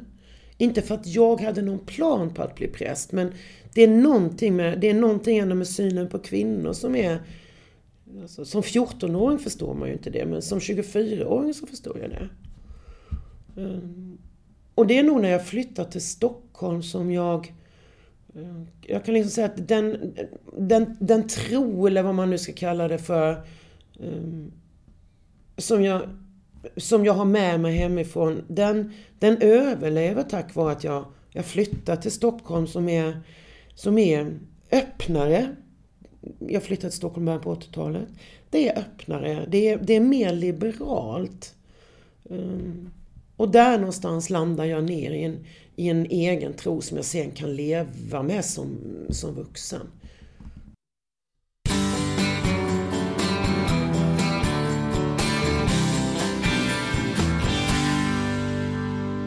På hösten 2015 så uh, har någon Eh, får vi viskat i mitt öra. Då, då satt ni i ett ledningsgruppsmöte och plötsligt så, ehm, så hände det någonting som, eh, som förändrade allting. Och ni fick eh, åka därifrån och göra något helt annat än vad ni hade tänkt göra. Ja, jag vet precis vad du menar. Och vi delar ju, vi delar ju den erfarenheten med väldigt många. Det är, ehm, det är, ju, det är ju 2014 och 2015 som det hände någonting i flyktingströmmarna genom Europa. Och, och eh, det, det, vi ser det på en metanivå i Sverige. Men det är, ju, det är ju någonstans där i sommaren, början på hösten 2015 som vi verkligen ser det fysiskt därför att det kommer hundratals människor till Göteborg varje dag. Med båtar och med, eh, med tåg. Eh, och de kommer ju därför att eh, eh, Ja, men det är ju den hösten vi ser människor vandra på motorvägarna upp genom Tyskland och Danmark och hit. En del kommer för att de eh, vill till, till Sverige men, men väldigt många är ju här för att de är på, på väg uppåt till, till Finland och till, till Norge. Vad som hände den där dagen det är att eh, eh jag blir uppringd utav förvaltningsdirektören på sociala resurs som säger att vi måste ha hjälp. Vi behöver, ha, eh, vi behöver starta transitboende för ensamkommande unga. Enligt svensk lagstiftning så oavsett var du kommer ifrån så är du under 18 år så, så ska du tas om hand eh, eh ordentligt och professionellt i Sverige. Och vi eh, kan ni starta. Har ni lokaler? För det är nog den absolut största bristen i Göteborg den hösten. Har ni lokaler? Och vi samarbetar ju med en del av församlingarna runt om i, i stan så vi får klart för oss att det finns en, det finns en tom kyrka ute i, eh, i Lövgärdet som vi kan använda oss utav.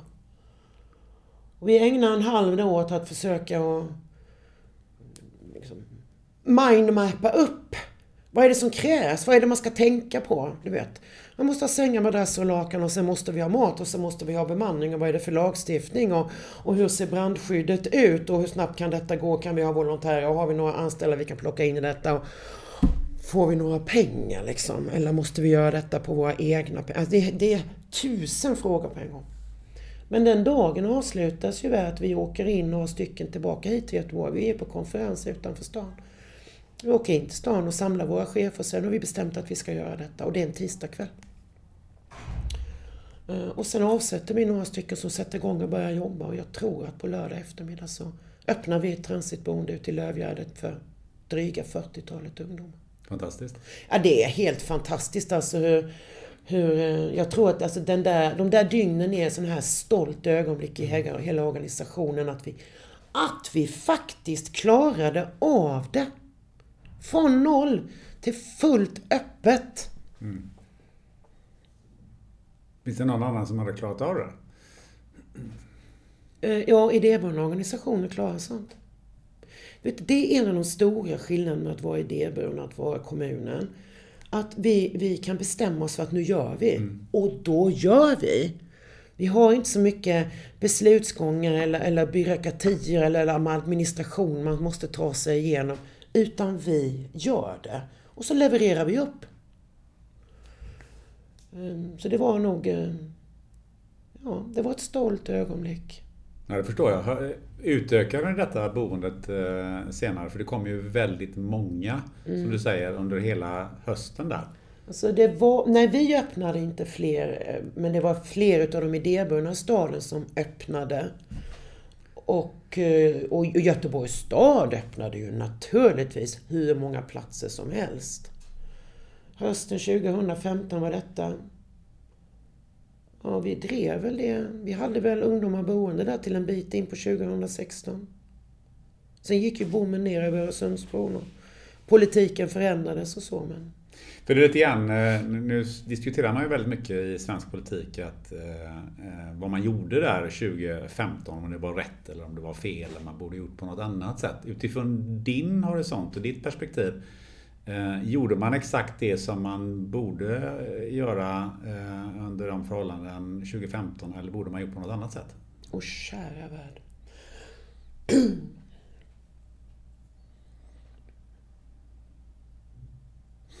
Det finns, ju de som, eh, det finns ju de som påstår att det svenska samhället var nära kollaps där. Det var ju, det var ju politikens argument för att, att stänga gränserna. Ehm, jag tror ju att det, historieskrivningen kommer att säga att detta var ett av de stoltaste ögonblicken i, i det svenska samhället. Det är väldigt få kommunföreträdare som, som håller med om att det svenska samhället var, kollapsade då, mm. eller var nästan under kollaps. Vi var, det var oerhört ansträngt, men faktum är, vi klarade av det.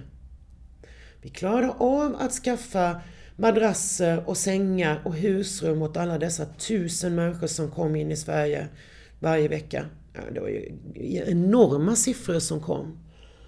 Um, vi hade inga som sov ute. Vi hade inga som frös ihjäl den vintern. Vi hade inga som inte fick adekvata skor på sina fötter när vintern kom. Um, det var ingen kollaps för det svenska samhället. Vi ansträngdes i varenda del. Allt ifrån Migrationsverket till, till polisen och tullen och idéburna organisationer och kommunen. Vi ansträngdes, men vi klarade provet. Det är min historieskrivning. Det som det som kollapsade, det var ju det europeiska samarbetet. Som gjorde att alla drog sig uppåt istället för att stanna kvar i de länder de kom in i. Det kollapsade och det är ju fortfarande inte eh, återställt det europeiska samarbetet när det gäller de här frågorna. Men det svenska samhället kollapsade inte. Det är bara några, det är bara några få politiska företrädare som påstår det. För man kan ju jämföra det med de flyktingströmmarna som är Eh, i grannländerna där nere, där till exempel Libanon tar emot en och en halv miljon människor och de är ju betydligt färre invånare och framförallt så är det ett betydligt mycket mindre land med en mycket, mycket sämre ekonomi än vad, vad Sverige är. Eh, så det känns ju som att relativt sett, om inte de kollapsar så kollapsar väl inte vi heller. Nej, och titta nu, det, det pratas ju inte så himla mycket om det men men de, eh, de nästintill läger, interneringsläger nästan som finns i, i den grekiska övärlden eller de allra sydligaste utposterna utav Italien idag. Det pratar vi ju inte om. Människor sitter ju fast där. Kommer ingenstans. Ni har ju, numera uppmärksammas det inte på TV när, när båtarna sjunker i Medelhavet. Men jag kan ju inte åka ner till Medelhavet utan att tänka på hur otroligt många människor det är som har omkommit i detta hav. Mm. För, på grund av den politiken som bland annat Sverige driver, eller Sverige, Europa driver.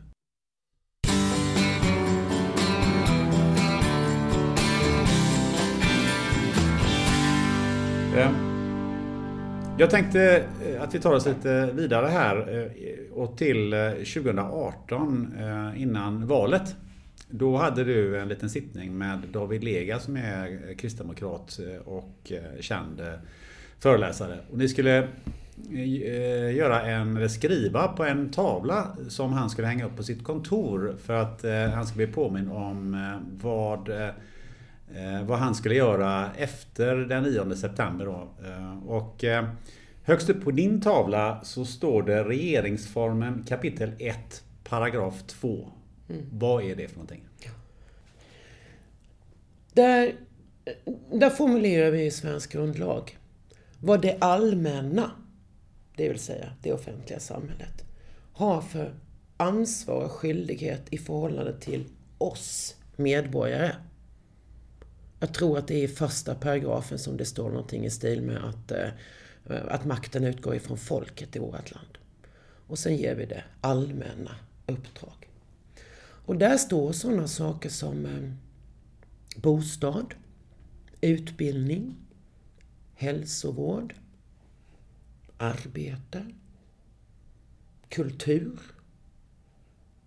Det står det. Och det står att man ska förse medborgarna Mm. med det. Ja. Att det är det allmännas skyldighet att göra det.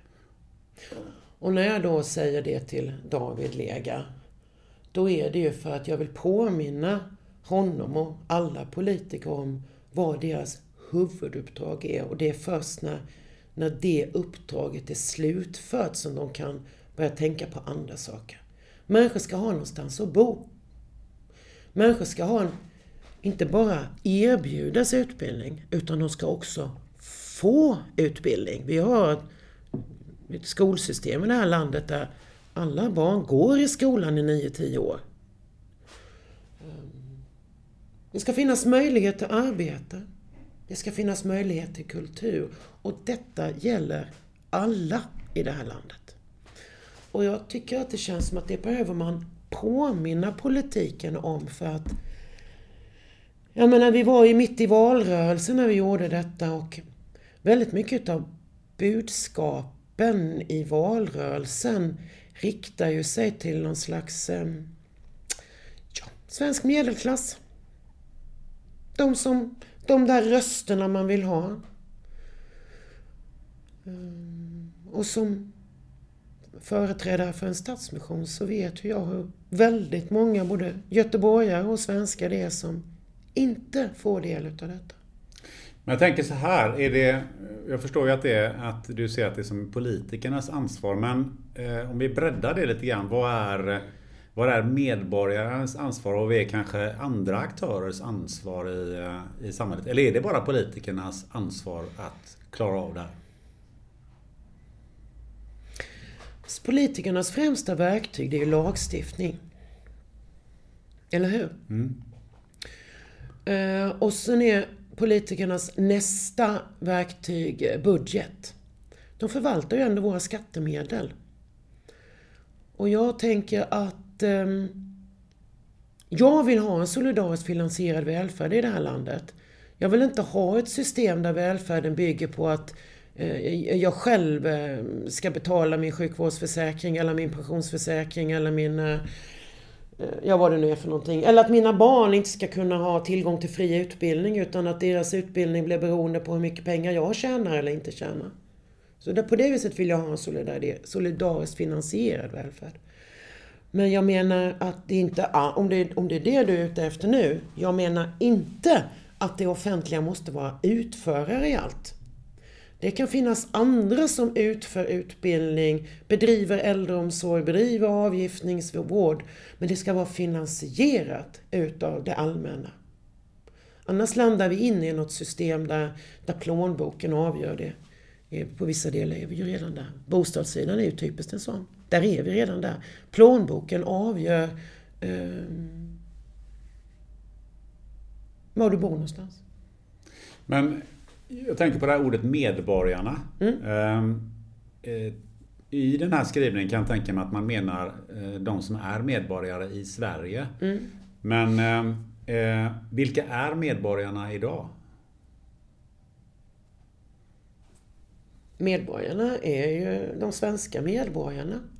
Det är det lagstiftningen pratar om. Så det är inte alla som vistas i Sverige eller eh, som just nu befinner sig eh, här. Som, in, som är EU-medborgare eller medborgare i ett, i ett land utanför EU. Vet du vad Gunnar? Där är du ju inne på ett ämne som vi skulle kunna ha liksom en hel timme samtal om bara det. Ehm, I den gamla världen så var vi medborgare i Sverige och vi, vi åkte kanske på semester till Danmark och var, bodde på den här sidan landet och Ja men du och jag kanske, och vi, vi, där någonstans på 60-70-talet så kanske vi följde med våra föräldrar på den första charterresan till Spanien eller något sånt va? Alltså större än så var ju inte världen. Jag var tågluffare på 70-talet, var du det också? Jajamän. Ja. Då var vi ju jättehäftiga som tågluffade i Europa. Kändes nästan som Sven Hedin, Ja upptäcktsresande. men precis va. Sen kommer nästa generation, de hoppar över Europa för det har de redan sett tillsammans med föräldrarna. Utan de skaffar sig ett, ett, någon slags sån här multilägg flygbiljett och så reser de runt i Asien i sex månader. Så. Och vi har ett, och så har vi den Europeiska gemenskapen då. Där, där en utav friheterna i den Europeiska gemensam, gemenskapen är fri rörlighet. Och det orsakar ju eh, mängder utav fantastiska möjligheter för en stor del utav, utav eh, medborgarna i medlemsländerna. Eh, och så orsakar det problem för en del utav de andra medborgarna i den Europeiska gemenskapen. Och så är flyktingströmmen, vi pratade innan om de som kommer utifrån. Så att det börjar ju, i vissa sammanhang så kan man idag höra ett, ett samtal som, som skiljer på eller polariserar mellan medborgerliga rättigheter och mänskliga rättigheter. Ehm, det är ett jättesvårt samtal. Men det är absolut avgörande att vi klarar av att börja föra det. Mycket av den, den, den retoriken som har funnits här de senaste åren har ju ställt mänskliga rättigheter mot medborgerliga rättigheter. Ehm, och det är en svår problematik därför att vi lever i en, vi lever i en rörlig värld. Ehm. Jag tänker att eh, det här eh, trattas ju, trattar ju ner till, till en grupp som ju det pratas om väldigt mycket nu, eh, nämligen de som eh, är ute och tigger. Alltså hela tiggerifrågan och, och just när vi sitter här så är det ju faktiskt den första kommunen som har fått eh, rätt av förvaltningsdomstolen att förbjuda eh, tiggeri. Och det eh, såg jag här att det eh, applåderas ju på ledarsidorna och bland annat i Dagens Industri och i, i Expressen. Eh, vad tänker du när du hör det?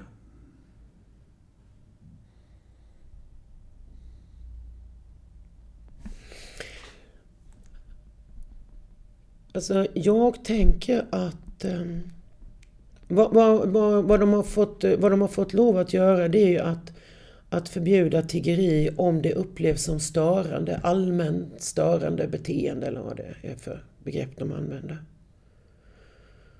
Um, Vilket ju är ganska fluffigt om man säger så. mm, det är ganska fluffigt. Vad jag tycker att de gör, det är att de förbjuder fattigdom. De kriminaliserar fattigdom. Jag tycker det. Eh, Och sen finns det jättemycket problematik i detta med eh, människohandel som en del utav detta. Kriminella ligor. Men eh, vi reser runt i världen och ser tiggande människor och vi, vi tänker att det är oerhört fattiga människor som inte får hjälp någon annanstans ifrån utan de sitter och tigger på stränderna. Eh, Och i nio av tio fall så kanske det är så. Det är extremt fattiga människor som inte har någon annat sätt att försörja sig den dagen på. Och sen är det någon del som är kriminell i det. Men jag tycker att man gör det enkelt för sig för jag tycker att man kriminaliserar fattigdom. En del argument som man hör kring det här det är ju att vi själva då, och då antar jag att man avser de som är medborgare i, i Sverige då, eh, eh, har en fattigdom och den borde vi ta hand om först innan vi hjälper eller tillåter tiggeri. Innan vi hjälper de här EU-medborgarna som, som det oftast är som, som sitter och tigger. Det där är ganska nytt argument. Eh, alltså, Sverige har varit ett jättestarkt biståndsland under många, många, många, många år. Vi har inte haft några problem att, att skicka varken statliga pengar eller, eller insamlingsorganisationernas pengar långt bort i stan för biståndsprojekt för att häva fattigdom, bygga broar, nej inte broar, bygga brunnar. Eh, bygga brunnar, hjälpa kvinnor med jätter och symaskiner så att de kan få sig en inkomst. Eh, Stödja upp, utbyggnaden utav skolor. Är det långt bort i stan har vi inga problem med det. Men när det kommer nära, då får vi helt plötsligt problem med det. Här i Göteborg har jag fortfarande inte sett en enda vad ska jag säga, människa som sitter och tigger som ser ut som en vanlig svensk pensionär. Men jag rör mig ju väldigt mycket i Stockholm också och där är det inte ovanligt att du ser människor som åtminstone utseendemässigt ser ut att vara en vanlig svensk folkpensionär som sitter med en mugg och en skylt och säger jag har så liten pension, hjälp mig.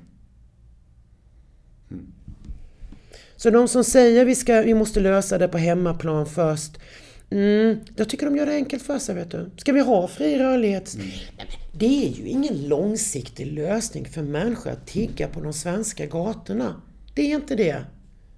Men nu ser världen ut så här. Kan inte gå vägen att kriminalisera fattiga människor. Vi måste hitta någon annan väg.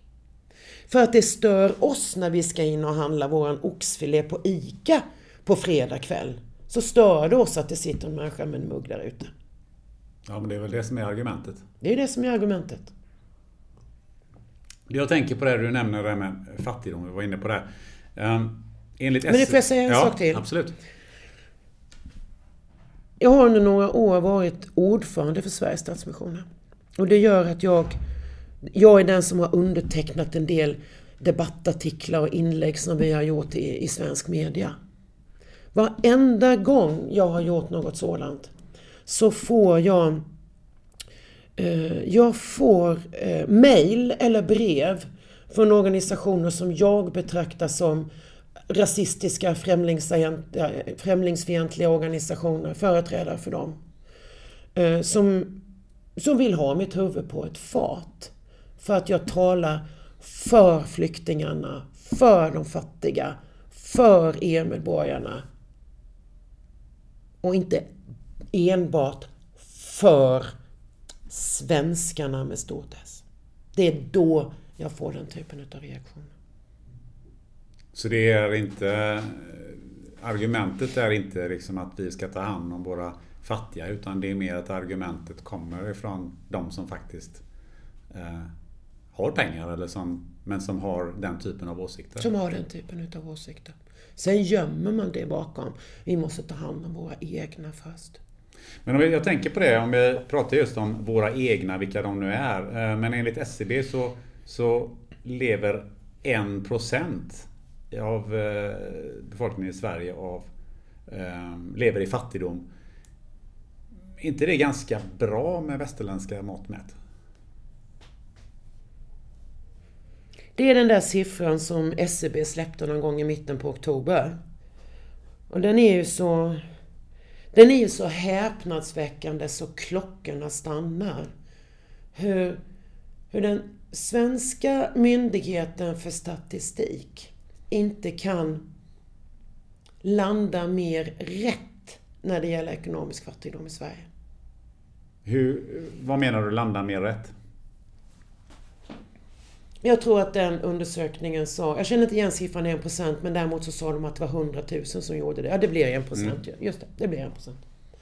Då kan de fråga de svenska pensionärsorganisationerna om hur många hundratusen det är utav de svenska pensionärerna som inte har en pension som är tillräckligt stor att leva på. De kan fråga de svenska stadsmissionerna hur många människor vi möter varje dag som inte kan sätta mat på borden varken till sig själva eller till sina barn. De Skulle kunna titta på socialtjänsten och se hur många långvarigt socialtjänst, eller vad heter det, försörjningsstödsberoende har vi i det här landet. Eh, de skulle kunna gå ut till någon av eh, stadsdelarna här i Göteborg. En av de där stadsdelarna som ringer till oss på Stadsmissionen och säger Har ni möjlighet att ordna frukost till våra skolbarn? De kommer till skolan, de har inte fått mat hemma. De är så hungriga, de kan inte prestera. Eller som ringer till oss och säger eh, Har ni tandborstar över? Våra skolbarn har så dålig tandhälsa, vi behöver hjälp med tandvård. Det är alltså kommunala skolor som ringer? Jajamensan. Det där, är, den där blev ju en nyhet under en dag och sen försvann ju den. Sen försvann ju den. Men en fundering jag har det är ju de här en procenten, hur man nu har räknat fram det. Ehm, de här människorna som, som är så fattiga, har de telefon och Svarar de på SCBs eh, frågor? Alltså jag bara funderar på hur har man räknat ut det där? Jag har ingen aning om hur man räknade ut det där. Jag vet bara att det var dumt. Vår erfarenhet är en helt annan. De svenska stadsmissionernas insatser så är mer än 60 procent av insatserna handlar om mat. Jag har inte mat för dagen. Ehm, och här har skett en enorm övervältring från den, de kommunala instanserna till eh, till exempel vår typ av organisationer de senaste tio åren. Där man, inte ens en gång om du har barn så får du hjälp från socialtjänsten om du redan har fått försörjningsstöd den månaden. Nej, då får du vänta till nästa vecka. Men faktum är att barnen är hungriga. Men finns det någon i, eh, som du anser i, eh, i den svenska politiken eller i eh, höger-vänsterskalan eller vad man nu skulle se. Finns det någon som eh, talar om de här människorna? Nej, inte någon tycker jag gör det på allvar. Vi har fört samtal med ganska många politiska företrädare, både på lokal nivå och på nationell nivå. Eh, och det, det, är inte så många som säger till oss, nej men där har ni fel.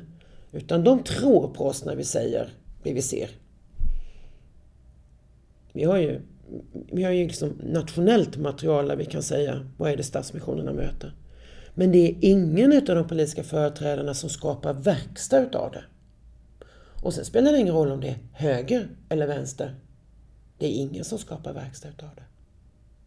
Kan man avskaffa den här fattigdomen? Kan man avskaffa uteliggarna i Sverige? Alltså, nu menar jag inte att man sopar in uteliggarna någon annanstans utan mer, kan man avskaffa eh, den typen av eh, problem? Bostadslöshet kan du avskaffa genom att bygga bostäder.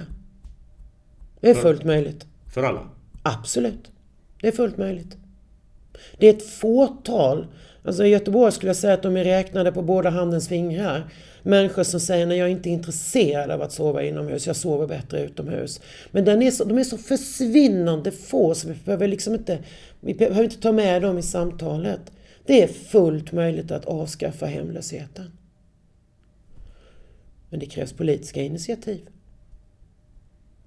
Fattigdomen, den är svårare att avskaffa om vi pratar egen försörjning åt alla. Men ett system som, som ser till att folk har en pension att leva på. Ett system som, som ser till att de som arbetar har en lön som går att leva på. Och ett system som ser till att de som står långt ifrån arbetsmarknaden, som är beroende av försörjningsstöd, lotsas in i ett sammanhang där förutsättningarna ökar för att tjäna in dina egna pengar. Det går att bygga upp. Vad blir bättre på detta för 20-30 år sedan? Ja, alltså de här, eh, de här förståsigpåarna säger ju att eh, någonstans i början på 80-talet är vi som jämlikast i det här landet.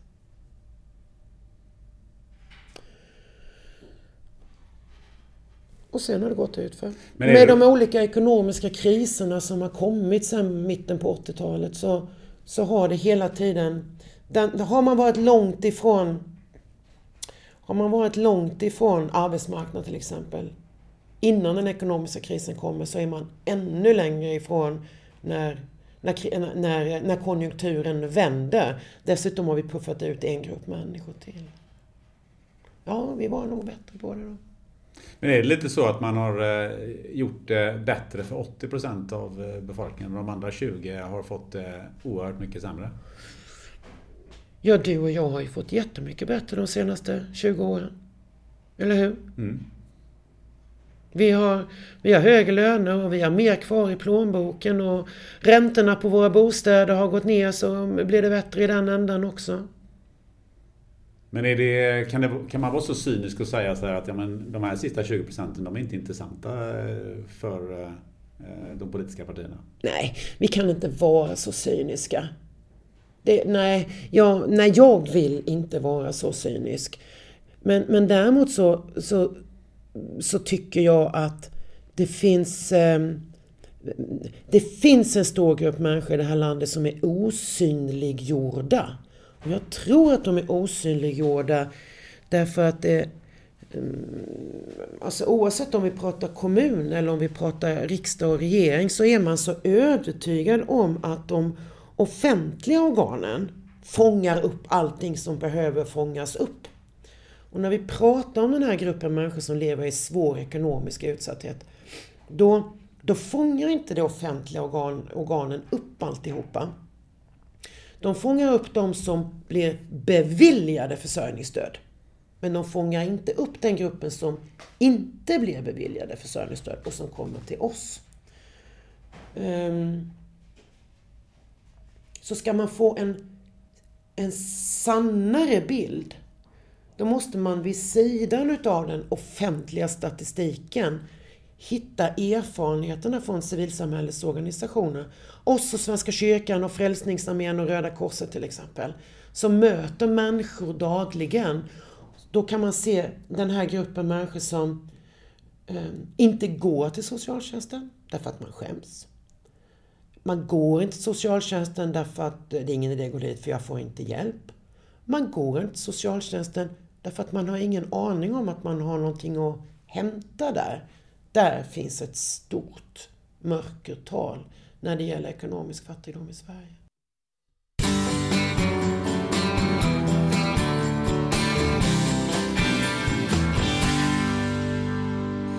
Du, um, nu har vi ju pratat eh, en bra stund här och vi har pratat om och befunnit oss i Sverige. Vi har visserligen eh, rört lite grann vid, vid världen utanför oss. Um, men jag tänkte avrunda lite för um, du är ju en resande människa. Mm, det kan man väl säga. Uh, och vart brukar du resa då? Helst? Är det nu jag ska säga Danmark? Ja, eller kanske Skåne. det är inte utomlands faktiskt, Skåne, det tillhör Sverige.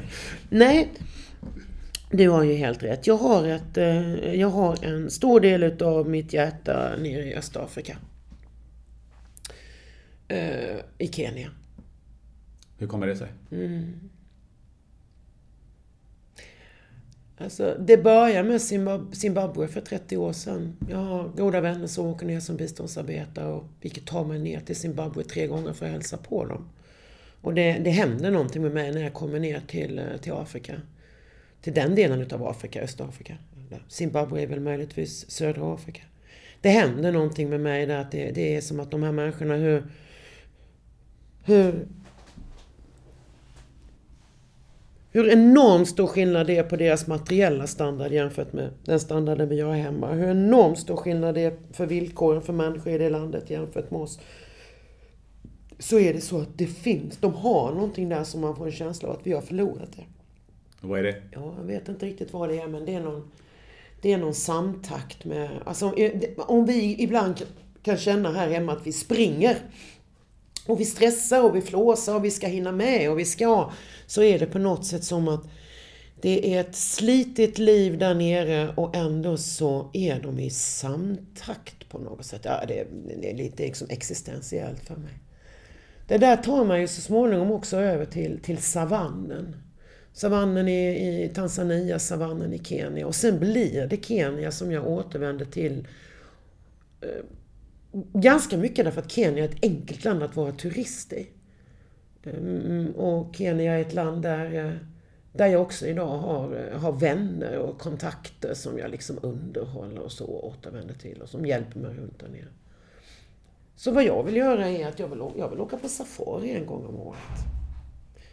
Vill jag, då händer det min, det är min retreat, det är min meditation på något sätt. Tycker du att det fler människor borde åka till Afrika? Ja. Jag tror att väldigt många jag tror att väldigt många har som dröm att få åka till Östafrika eller södra Afrika och åka på safari.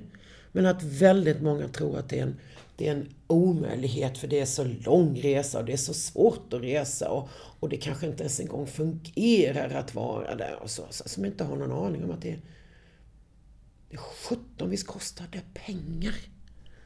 Men det kostar inte så jättemycket mer, mer pengar att åka tio dagar till på safari i Kenya än att åka på en två veckors semester till Thailand.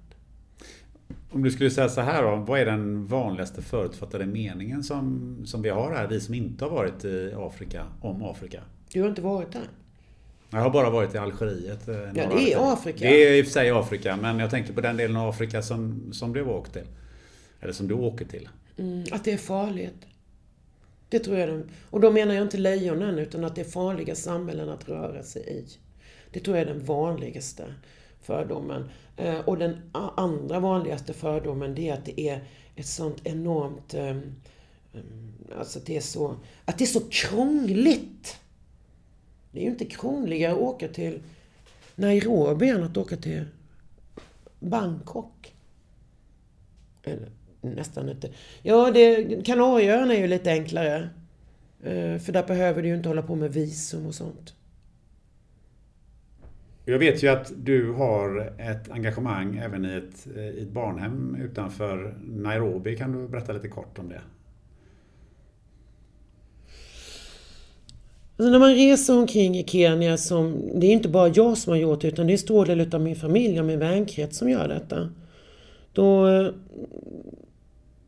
då kommer vi där som eh, vita medelklass, välbärgade europeer och svenskar och vi har massa US dollars och kenyanska skilling i fickorna och vi, vi bor bra, vi äter bra, vi färdas tryggt i bilar och så. Och så, eh, och så ser vi ju samtidigt eh, eh, det kenyanska samhället som är väldigt dubbelt. Å ena sidan är det den snabbast växande ekonomin i hela östra Afrika, om inte hela Afrika. Å andra sidan så är det ett extremt fattigt land där, eh, där en stor andel av befolkningen fortfarande inte eh, kan vara säkra på mat för dagen. Och där någonstans börjar ju ett engagemang för att se, vi som får så otroligt mycket eh, av att vara i det här landet. Vi får det utav människorna vi möter, vi får det utav den naturrikedom som, som de har. Vi är ganska noga med vilka, vilka, vilka företag vi väljer att köpa våra resor genom. Att det ska vara kenyanska företag med kenyanska ägare och sådär. Och så tänker man ändå, kan man göra någonting mer? Och då... Eh, och vi har sökt ett tag. Men eh, eh, vi hittade alltså av en, av en slump, med hjälp av våran vän och guide, så får vi kontakter med ett barnhem i Kikuyu utanför eh, Nairobi, en förstad till, eh, till Nairobi. Och möter en, eh, en kvinna som har varit polis i, i Nairobi i 27 år. Och i sitt yrke mött så mycket övergivna barn. Och som en dag bestämmer sig för att eftersom ingen, som ingen frågar efter den här lilla flickan som var den enda överlevande i trafikolyckan så får hon flytta hem till mig. Och det är väl säkert eh, 30 år sedan. Nu tog jag nog i, det är nog bara 20 år sedan. Eh, men där startar Makimé barnhem. Och vi möter, eh, vi möter ett gäng hängivna kvinnor. De ger hela sitt liv åt detta. Och de har 70 barn från alldeles nyfödda spädbarn som har lämnats utanför grindarna till eh, 19-20-åringar som är på väg att klara av high school och redo att flytta ut. Och de gör detta med nästan inga pengar alls. De har inga statliga bidrag, inga kommunala bidrag, ingen hjälp någonstans ifrån. Och vi tänker att med ganska små medel skulle vi kunna stötta upp den här verksamheten. Så vi bestämmer oss för att nu börjar vi stödja Mackie-Meyer-barnen. Jag tycker så här att nu har vi under en dryg timme gjort en resa eh, genom ett Sverige som ju inte så många känner till. Men jag så tror öppnar ögonen för många. Och så har vi avslutat med en liten kort utblick i världen. Ehm, hur tycker du att den här stunden har varit? Det har varit jätteroligt. Hur ofta får man sitta och prata om sig själv och sitt jobb så här länge, så här koncentrerat? Det har varit jätteroligt Gunnar. Jag är jätteglad för att du vill ha mig med. Härligt, det är klart vi ska. Ett stort tack Lotta för att du var med i podden Spännande möten. Tack Gunnar, det var ett spännande möte med dig också. Du har lyssnat till 136 avsnittet av podden Spännande möten. För mig har 2022 bjudit på många höjdpunkter, inte minst i den här podden. Men jag har också genomgått en höftoperation som jag inte direkt hade förutsett. Än mindre hade jag förutsett att den nya höften skulle hoppa ur led första dagen efter operationen. Det har även inneburit att intervjutempot sänkts kraftigt under en tid. Men nu är jag på gång igen. Jag lovar att ta igen detta med råge. Du kommer under någon månad få ett nytt avsnitt varje vecka. Närmast på tur står Anna Borgström, VD för Netclean med en unik programvara som kan avslöja personer som tittar på barnpornografi på sin jobbdator. Sen kommer du få träffa en klimataktivist, någon som undrar vad fan vi får för pengarna, en triatlet som drabbades av sepsis, en författare, en entreprenör som blev schaman och en researcher från Expo. Detta toppat med en comeback av populära Märta Jansdotter, VD för Gröna Gårdar. Så medan du väntar på allt detta så vet du vad du gör. Du sätter dig med en vän, tar något gött att dricka och funderar på vem av alla dessa gäster du är mest nyfiken på. Ha det gött!